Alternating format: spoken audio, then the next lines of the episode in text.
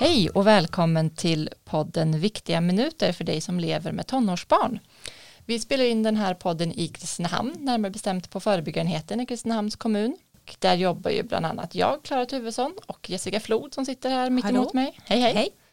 Um, och vi gör ju den här podden Viktiga minuter som handlar just om de här viktiga minuterna som du lägger på relationen med din tonåring. Idag har vi med oss en gäst. Det är Annika Engdahl. Välkommen. Hej hej. Hej hej. Och du är behandlingsassistent på missbruks och beroendeenheten här i Kristinehamns kommun. Det stämmer gott.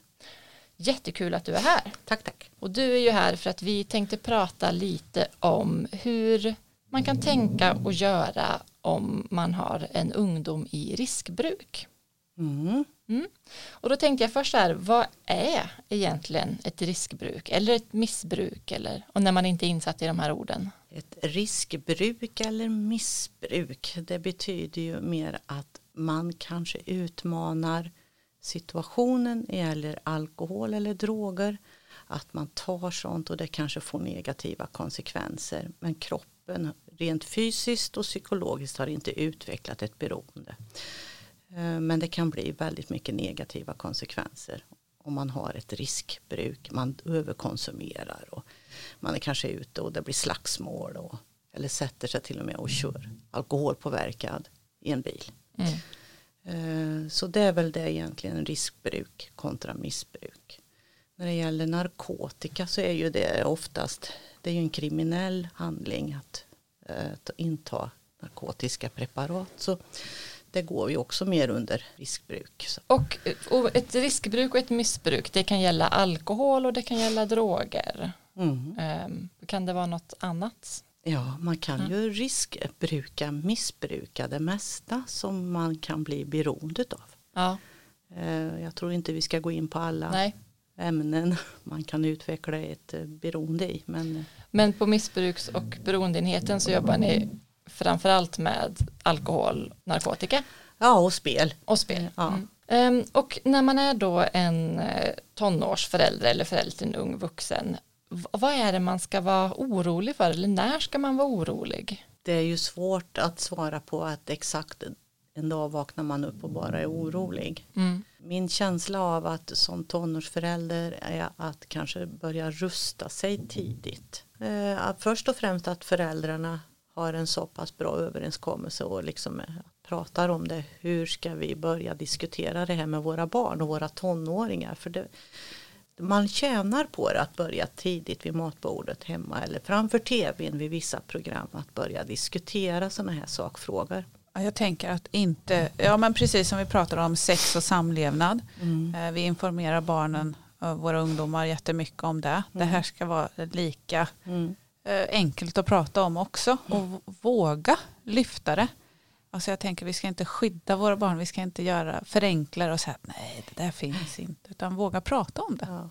Mm. Och att uh, försöka stärka våra barn lika väl som du kan säga nej till en kille eller tjej som du inte vill ha sex med ska du också kunna säga nej om det kommer fram en typ konstigt pulver på festen. Mm. Så att börja tidigt som förälder att vara intresserade, delaktiga, nyfikna på sina barn och mm. tonåringar. Det tycker jag det är, det är ett föräldraansvar man ska ta. Mm. Mm. Och om eh, man har en uh, ungdom som kommer hem och har druckit alkohol till exempel. Det är ju inte, det är ju inte jätteovanligt. Det är, vi har väl, det är väl över 50 procent i alla fall av alla mellan nian och gymnasiet som, dricker, som provar alkohol någon gång i alla fall.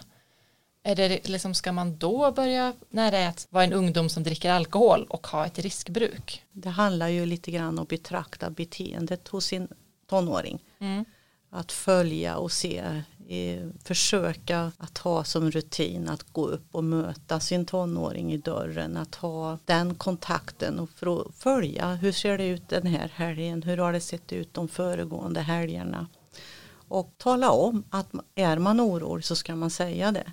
Mm. Eh, inte att skuldbelägga eller säga att du har utegångsförbud eller att det blir några sådana konsekvenser. För det tror jag, det tjänar man ingenting på. Utan prata om vad det är man ser och prata om att man är genuint orolig. Vi har ju alla varit yngre. Vissa har festat mer, vissa har partajat mindre. Mm. Men jag tänker att när man ser som förälder att ja men nu har hon varit ute här i vad vet jag, två dagar i rad mm. i flera mm. veckor.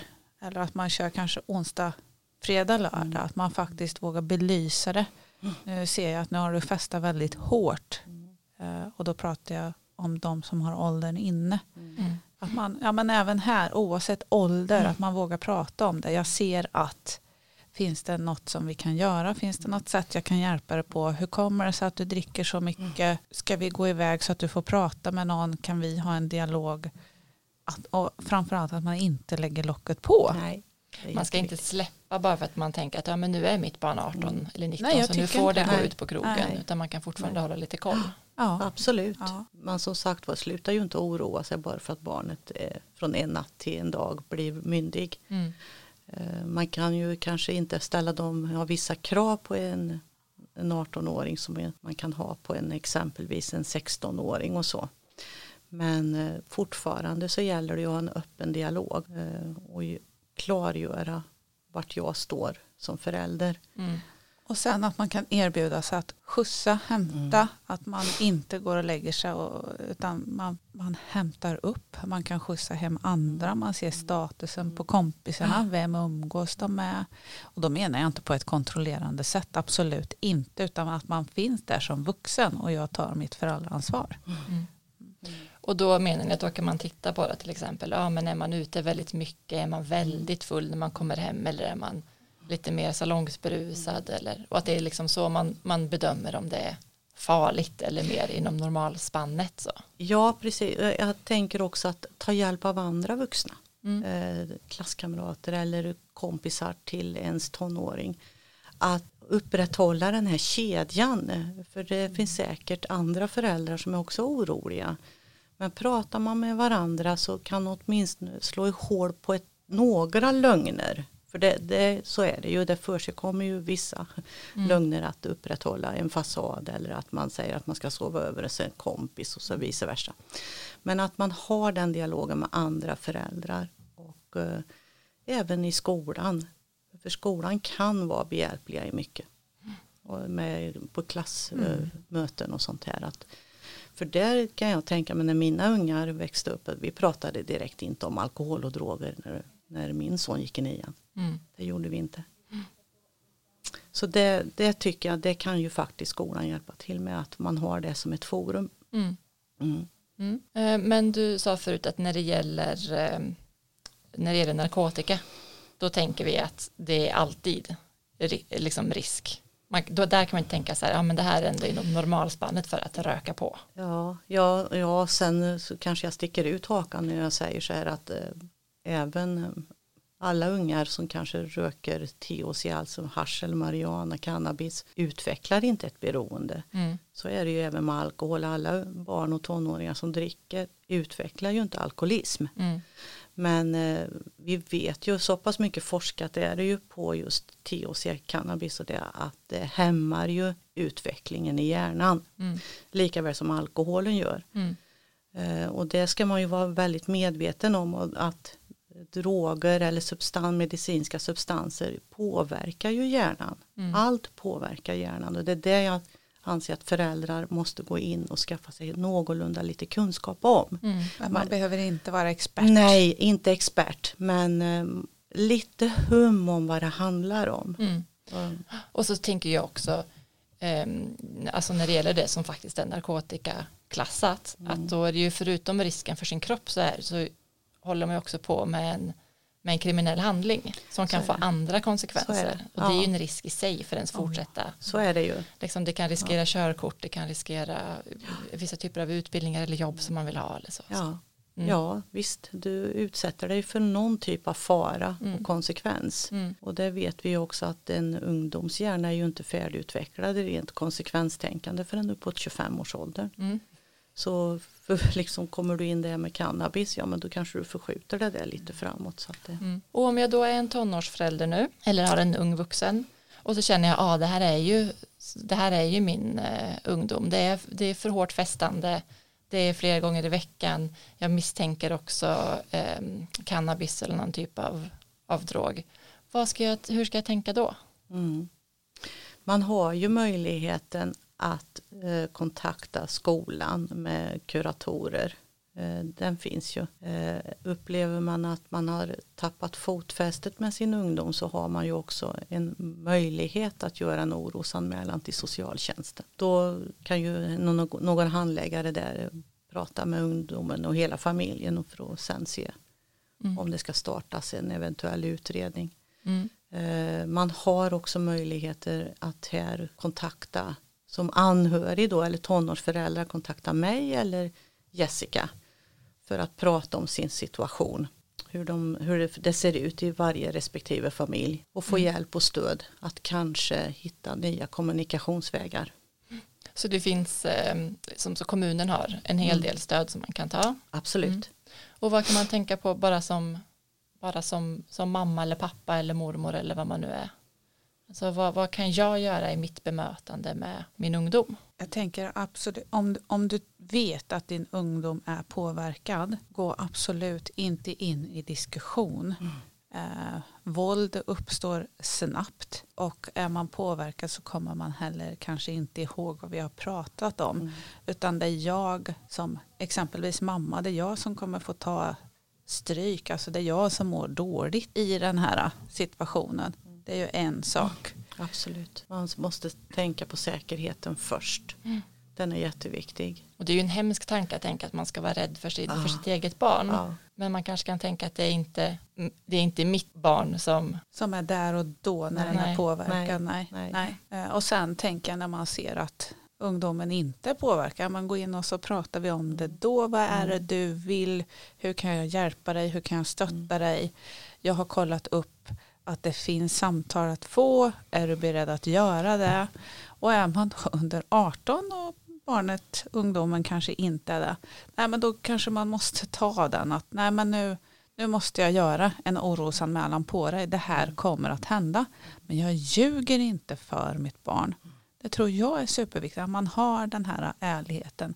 Kanske heller inte ger pengar om vi pratar om narkotika nu. Att jag ger pengar för att jag vet vad det går till. För att då är det ju jag som är där och stöttar upp mm. rökandet. Eh, en annan som också sak som är väldigt viktig det är att försöka, för det här är jobbigt att vara i själv. Mm. Är man ensamstående förälder så är det jättetufft. Ta hjälp av andra. Finns det partner, annan förälder, sysk, vuxna syskon eller så ta hjälp av dem så att man har samma förhållningssätt, samma strategi. För eh, annars så finns det ju risk att tonåren spelar ut den ena mot den andra om det är två föräldrar. Mm. Så man måste ju hitta en gemensam strategi. Hur gör vi som tonårsföräldrar?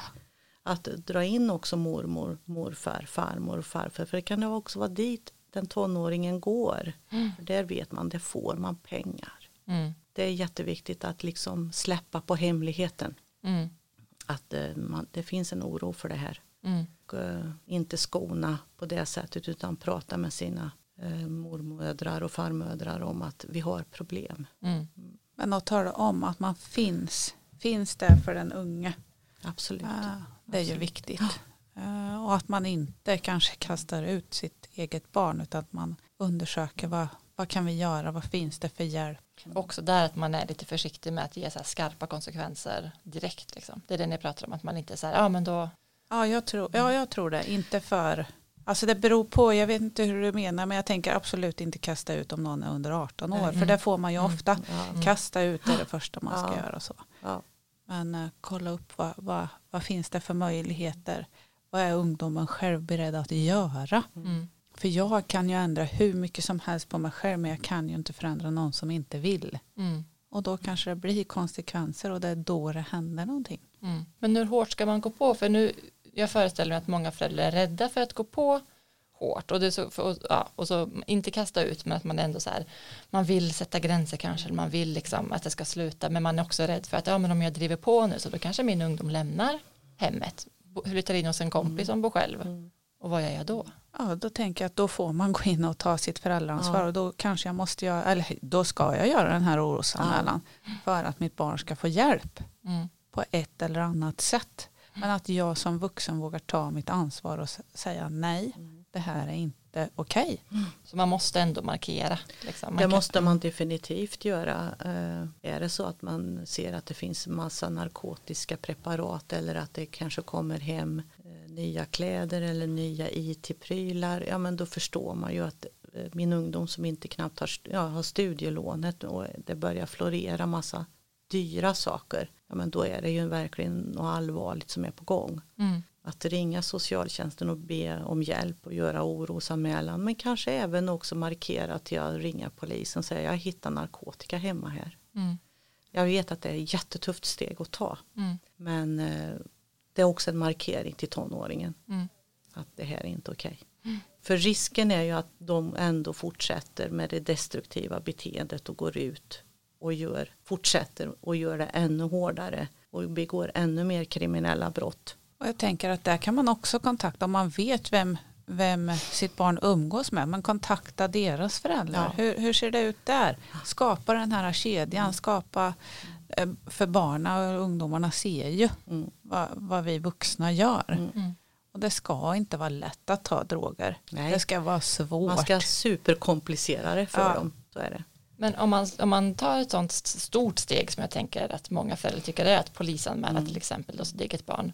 Hur kommunicerar man med sitt barn kring det? Att säga rakt ut jag älskar dig som min son eller min dotter men jag älskar inte det du gör just nu. Jag, jag kan inte acceptera det du gör just nu med att eh, begå kriminella handlingar om det är det man vet att personen gör eller att personen tar narkotiska preparat. Mm. Då ser man ju att personen får ju fruktansvärt illa. Mm. Och hela tiden återkomma Ja. till att jag älskar dig och Mm. Men det här får konsekvenser och jag finns här vid din sida Absolut. oavsett vad som händer. Så ändå vara ändå var hård i jag älskar dig men det här är Ja. inte acceptabelt. För vi får ju inte glömma bort att det är det finaste vi har. Det är Ja, våra barn ja, vi pratar om. ja. Mm. Och det är klart det är ingen som överger sitt eget barn. Mm. Någonsin. Mm. Nej. Nej för här kan det verkligen vara så liksom, att man säger skydds, hur mycket ska jag skydda och hur mycket Mm. måste jag Ja. liksom. Ja. Det är en jättesvår balansgång. Ja, tack så mycket Annika. Du har varit här idag och hjälpt oss att fundera kring det här med att ha en ungdom i riskbruk. Och då har vi ju sagt att eh, ett, ett, ett bra tips är att man rustar sig själv och sin ungdom tidigt i det här. Redan när man känner att tonåren närmar sig, att då kan man börja prata om eh, alkohol och droger och riskbruk och vad, hur, hur tänker vi i vår familj och hur tänker du och så. Mm. Och om man då har en ungdom som börjar dricka alkohol till exempel, att man eller vara ute, ute på helgen också, ehm, att man eh, betraktar det beteendet, att man går upp och möter när den kommer hem, eh, funderar på hur ser det ut, vad är frekvensen, hur ofta är min ungdom ute, hur, eh, vilket skick är hen i när den kommer hem.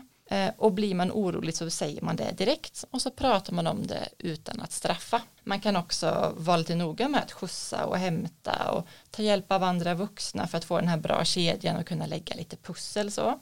Eh, blir man orolig för sin ungdom så kan man också kontakta skola och elevhälsa. Man kan ta kontakt med socialtjänst, man kan ta kontakt med er på MBE eller oss på förebyggarenheten för att få stöd och tips i det här. Ehm, några bra tips om man är, känner att man är liksom längre ner på skalan och har en ungdom som man, som man misstänker har ett riskbruk. Att man inte tar några diskussioner med någon som är påverkad. Att man pratar med ungdomen när, när hen är nykter eh, och frågar liksom, vilken hjälp och vilket stöd behöver den. Att man är ärlig både mot sin ungdom och mot resten av familjen så att man kan ha samma strategi och samma förhållningssätt och så att alla vet att det finns en oro vad den gäller. Det är viktigt att man, att man, har, alltså man har ett föräldraansvar och att man tar det föräldraansvaret och det kan innebära tuffa beslut som att göra en orosanmälan på sitt barn, som att ringa polis eller att ringa andras föräldrar. Men, men vi är föräldrar eh, eller vuxna som behöver ta ansvar för barn. Och det ska vara svårt att ta droger Ja. och eh, vi som vuxna ska, kan försvåra det så mycket som möjligt. Absolut. Men det vi hela tiden behöver kommunicera till våra barn är att vi älskar dem som personer men inte just det de gör. Precis. Ja. Vad bra, Klockrent. det är Ja. lite att hålla sig i. Ja. Jättebra sammanfattning Klara. Ja, tack så mycket. Och eh, tack för att du kom Annika. Tack så mycket för att vi Jättebra. kom. Tack för er som har lyssnat. Ha det så bra. Vi hörs en annan gång. Hej då! Hej då! Hej då!